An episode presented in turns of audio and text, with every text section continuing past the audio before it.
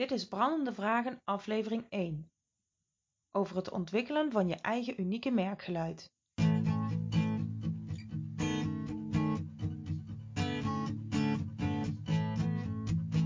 Welkom bij Brandende Vragen. Ik ben je host, Angel Nijskens.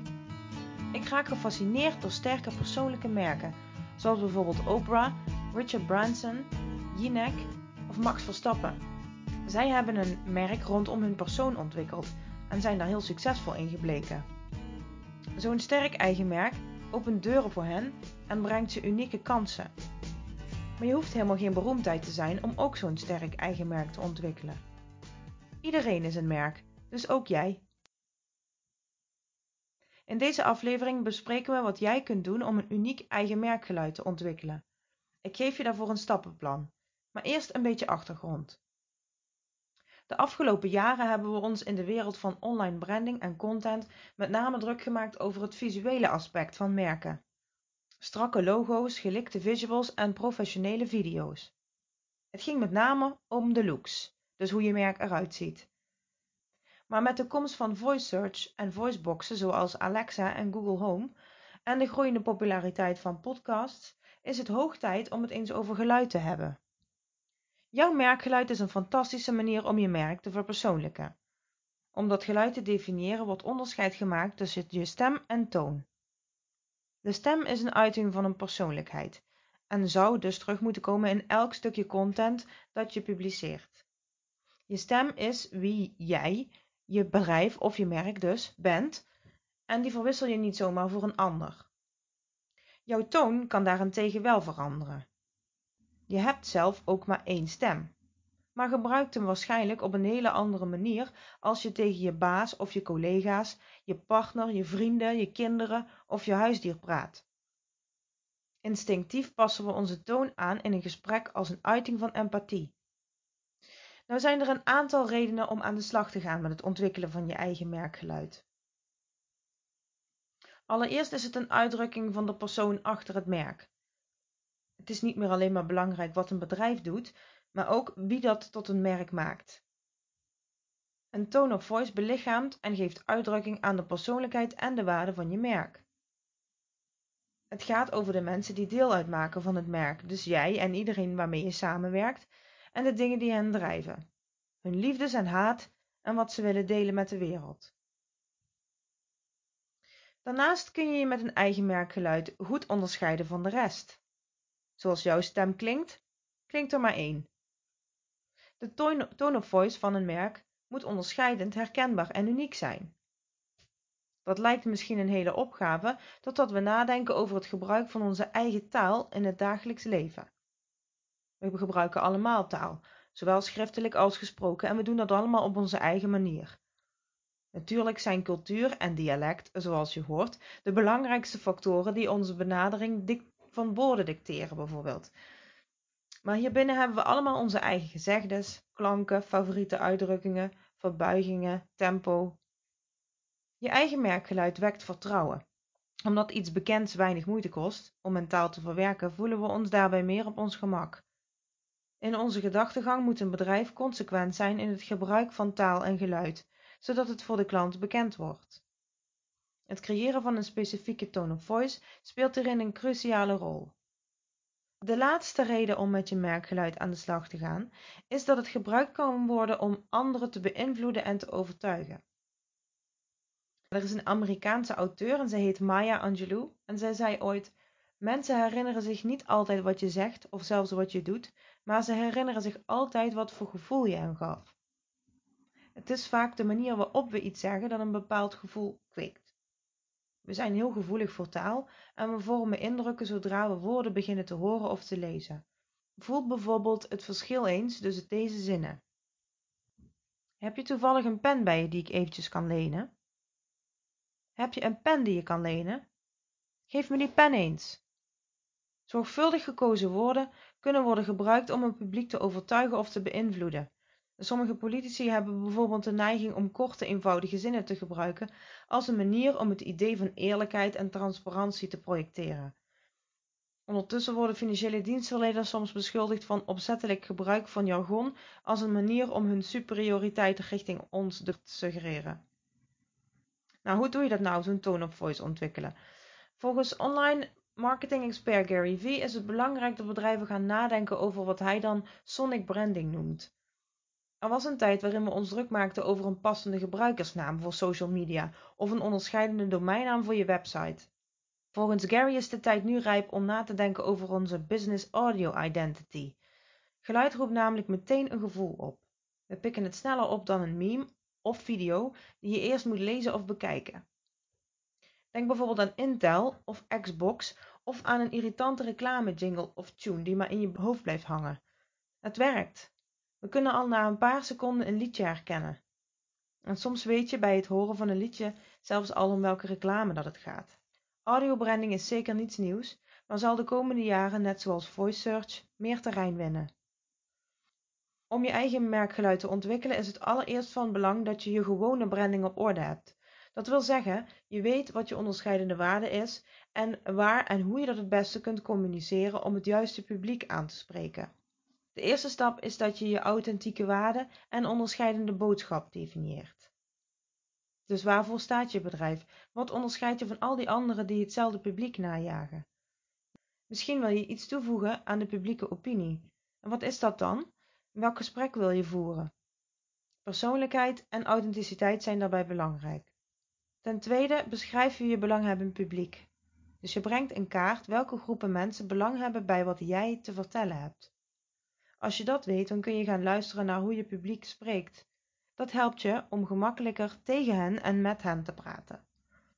Je leert hun taal te spreken en hun woorden te gebruiken. Als laatste stap selecteer je een effectief medium, dus via welke kanalen en middelen ga je je publiek het beste kunnen bereiken en welke rol speelt audio daarin. Waar zit je publiek? Waar luisteren ze graag naar? Zijn ze bijvoorbeeld überhaupt geïnteresseerd in podcasts? Of juist niet? Als je de basis voor je branding op orde hebt, kun je verder inzoomen op het ontwikkelen van je merkgeluid. Daarvoor kun je de volgende stappen doorlopen. Definieer je eigen merkgeluid. Je merkpersoonlijkheid kun je het beste beschrijven met een bijvoeglijk naamwoord. Mensen kunnen bijvoorbeeld levendig, positief, rebels of professioneel klinken. Stephanie Swaap deelt het in naar vier verschillende onderdelen. Ten eerste een karakter of een persoon. Dus hoe klinkt jouw merk als persoon? Om dit te bepalen moet je eerst weten wie je publiek is. Op die manier kun je een persoonlijkheid ontwikkelen die resoneert met je publiek. Als je meerdere groepen publiek hebt, dan dien je wellicht een wat meer flexibele tone of voice te ontwikkelen om je totale publiek te bereiken. Koppel de karaktereigenschappen van je merkpersoonlijkheid aan de behoeftes van je belanghebbend publiek. Ten tweede kun je een toon ontwikkelen en een toon voegt een specifieke sfeer toe aan je geluid, gebaseerd op factoren zoals je publiek, situatie en het kanaal. Het is een onderliggende vibe of klankkleur die je overbrengt met jouw communicatie. Als derde taal. Dus wat voor woorden gebruik je in je conversaties? Hoewel je merk wellicht de expert is in je vakgebied, kan het lijken alsof je slimmer bent dan je publiek. Je wilt niet dat je publiek daarop afknapt.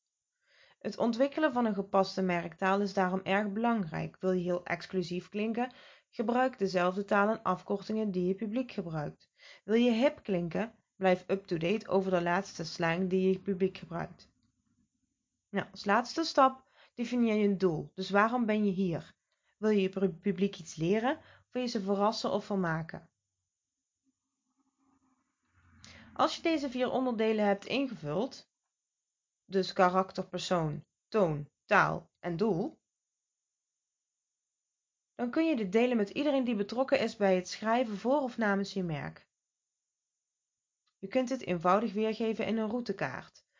Voeg bijvoorbeeld ook buswoorden toe, de woorden die je merk beschrijven en die je wilt gebruiken als dat nodig is. Stel bijvoorbeeld dat je Disney bent, dan zijn je buswoorden zoiets als betovering, magie, familie, ervaring, plezier. Voeg vervolgens een aantal do's en don'ts richtlijnen toe, zodat de contentmakers een goed idee krijgen van de soorten taal en inhoud die van hen wordt verwacht. Dan gaan we naar de volgende stap. En dat heeft ermee te maken dat je gaat ontdekken hoe je communiceert. De manier waarop je communiceert gaat namelijk meestal onbewust. Daarom is het ook zo belangrijk om te achterhalen hoe je zelf communiceert. Om dit in kaart te brengen, maakt collega-brender Manon Thomas gebruik van 42 archetypes die inzichtelijk maken hoe jij van nature communiceert. Deze methode geeft inzichten vanuit het perspectief van je publiek en dus niet vanuit je eigen perspectief. Bij branding gaat het er vooral om hoe ervaart de wereld mij in plaats van hoe ervaar ik de wereld. Net als grote merken een bepaald geluid uitzenden en hiermee iets triggeren, doe jij als mens exact hetzelfde. Als je door een corporate merk heen kijkt, zie je ook hierin een duidelijke persoonlijkheid terug. Je zou in feite kunnen zeggen dat jij als persoon een bepaalde manier van denken hebt en een bepaalde manier van handelen hebt en een bepaalde manier van uiten hebt. Het is in feite de toon die de muziek maakt. Dit bepaalt of jouw publiek erop aanhaakt of afhaakt en dat is exact wat je wilt bereiken. Je manier van denken kan ook jouw handelen weer beïnvloeden. Hierdoor heb jij ook weer een andere kijk op zaken, wat de zaken bij anderen juist positief kan veranderen. Uiteraard zijn je hard skills belangrijk, maar niet doorslaggevend in succes. Een simpel voorbeeld. Als verpleegkundige is het belangrijk dat je kundig en goed je werk doet. Laat daar geen discussie over bestaan, maar hoe een verpleegkundige zijn of haar werk doet is enorm bepalend voor de omgeving. En hier komt je persoonlijkheid om de hoek kijken. Vrolijk jij iemand op? Luister je even oprecht? Pep je iemand op? Je kunt je werk nog zo goed doen, maar dat zegt niets over hoe iemand zich voelt. Neem ook eens de vele boeken op het gebied van bijvoorbeeld persoonlijke ontwikkeling. Je kunt er tien naast elkaar leggen die in feite allemaal hetzelfde schrijven, maar door de stijl en vorm zetten ze toch een andere toon neer. Hierdoor kun jij als lezer echt aanslaan op wat de schrijver bedoelt. Het is net als een radio afstemmen op de juiste frequentie, een genre kiezen en een bepaald geluid uitzenden. Manon gelooft hier net als ik heel erg in. Zij zegt, ook al doe je hetzelfde, je bent niet hetzelfde. Ontdek wat dat niet is en ga hier meer van doen. De laatste stap is het schrijven van een tone of voice guide. Je merkgeluid zal zich in de loop der tijd ontwikkelen. Ga je aan de slag met een nieuwe website, denk dan ook eens na over je merkgeluid. Wellicht kan deze wat worden verfijnd, dan is dit een goed moment om daaraan te werken. Je publiek zal de subtiele wijzigingen waarschijnlijk niet eens bewust opmerken, maar als je je merkgeluid beter kunt afstemmen op hun behoeften, dan is dat natuurlijk altijd positief. Hoe ziet zo'n onderscheidend merkgeluid er dan in de praktijk uit? Nou, ik kan dat even verduidelijken met een aantal aansprekende voorbeelden. Het eerste voorbeeld is Buffer. Het is een bekende planningstool voor social media berichten. Kevin Lee, dat is de Vice President of Marketing, schreef hierover een blog en de manier waarop de tone of voice bij Buffer wordt aangepakt. Zij ontwikkelde namelijk een eigen brand content style guide. Hierin staan heldere richtlijnen voor de manier waarop Buffer wil communiceren, dus hoe ze met hun klanten praten, hoe ze online communiceren en hoe ze over hun product vertellen. In deze guide wordt duidelijk weergegeven hoe een stem klinkt, in dit geval herkenbaar, oprecht, inclusief, benaderbaar, duidelijk en geïnformeerd, en wat hun toon is, vriendelijk en positief. Inclusief richtlijnen voor communicatie over diversiteit en inclusie, customer service, productcommunicatie en e-mailmarketing. Als tweede voorbeeld Mailchimp. Als je helemaal los wilt gaan met het opstellen van een content style guide, dan is die van Mailchimp een heel goed voorbeeld om eens te raadplegen. Ze hebben kosten nog moeite gespaard om een samenhangende guide te schrijven die niets aan het toeval overlaat. Enkele voorbeelden van onderwerpen die aan de orde komen zijn bijvoorbeeld stem en toon met een beschrijving van het merkgeluid van Mailchimp, hoe ze willen schrijven over mensen, dus richtlijnen over het schrijven over onderwerpen zoals leeftijd, handicap, geslacht, geaardheid en afkomst. Hoe ze omgaan met het schrijven van blogs. En daarin geven ze specifieke richtlijnen voor schrijfstijl, gebruik van afbeeldingen, maar ook zoekwoorden en links. Hoe ze hun nieuwsbrieven schrijven, met richtlijnen en tips over het opbouwen en structureren van hun e-mail nieuwsbrief maar ook bijvoorbeeld het schrijven voor social media met een beschrijving en doel van de social media platformen waarop Mailchimp actief is en richtlijnen voor bijvoorbeeld hashtaggebruik en trending topics. Dan zijn er nog dingen gezegd over bijvoorbeeld het vertalen met een uitgebreide instructie voor vertalers met voorbeelden van hoe het wel en niet moet. Iets over auteursrecht en handelsmerken met richtlijnen voor auteursrecht en handelsmerken, bijvoorbeeld ook voor het gebruiken van afbeeldingen en content van anderen. En bijvoorbeeld een woordenlijst met een opsomming van woorden die vaak verkeerd worden geschreven en hoe het wel moet en woorden om te vermijden, dus die niet bij het merk passen. Vind je het vinden van een eigen merkgeluid al lastig genoeg en ben je nog niet eens toe aan het schrijven van een compleet handboek voor je merk? Laat je dan eens inspireren door een drietal voorbeelden van merken met een onderscheidend merkgeluid. Een mooi voorbeeld van hoe je je als bedrijf kunt onderscheiden met je merkgeluid is Plantsum. Zij bezorgen kamerplanten aan huis of op kantoor en ze praten over spetterende kamerplanten, een groene amigo of een nieuwe liefde. Als je een digitale giftcard bestelt, ontvang je die volgens Plantsum sneller dan Speedy Gonzales. Om eens te oefenen met definiëren van een tone of voice, zou je Plantsum eens als voorbeeld kunnen nemen. Hoe zou je hun stem omschrijven en wat is hun toon? Welke richtlijnen zouden zij hebben voor hun content? Een ander aansprekend voorbeeld is Rumach. Waar de meeste merken vooral hun best doen om hun publiek een goed gevoel te bezorgen, zijn er ook merken die zich onderscheiden door dat juist aan hun laars te lappen. Rumach is daar een fantastisch voorbeeld van. Je zou hun merkgeluid kunnen omschrijven als rebels met een vette knipoog, gevat en op het randje. Rumach zegt wat jij denkt, maar niet hardop durft uit te spreken. Soms op het provocerende af, als een onuitstaanbare lastpak die altijd zijn mening klaar heeft, ook als je er niet op zit te wachten. Als je dat gaat vertalen naar personen zou je kunnen denken aan Marianne Zwagerman, Maarten van Rossum of Johan Derksen. Maar met opvallende uitspraken trekken ze wel de aandacht en dat is natuurlijk precies de bedoeling. Het laatste voorbeeld is BMW. Ook autofabrikanten begrijpen namelijk heel goed dat ze geluid kunnen inzetten om hun merk meer lading te geven.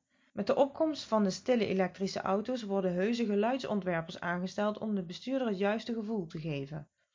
Een van die geluidsontwerpers was Egmar Vecht. Hij ontwierp het geluid van de BMW i3. Hij zegt: Wij hebben het geluid echt BMW gemaakt. Het merk BMW staat voor efficiëntie, dus dat moet je wel horen. Het geluid moet zowel functioneel zijn als een emotionele waarneming. Je kunt je merk letterlijk laten klinken. Een BMW klinkt dus heel anders dan een Nissan of een Tesla. De opvolger van eh, Vecht werkte zelfs samen met een filmcomponist. Samen ontwierpen ze het futuristische geluid van de BMW Vision M. Nou, in de toekomst gaat het op het gebied van branding niet alleen maar meer om bewegende beelden en tekst. Geluid zal een steeds groter deel uitmaken van de totaalbeleving van jouw merk. Steeds meer merken zullen daarom op zoek gaan naar een manier om zich met hun merkgeluid onderscheidend te positioneren.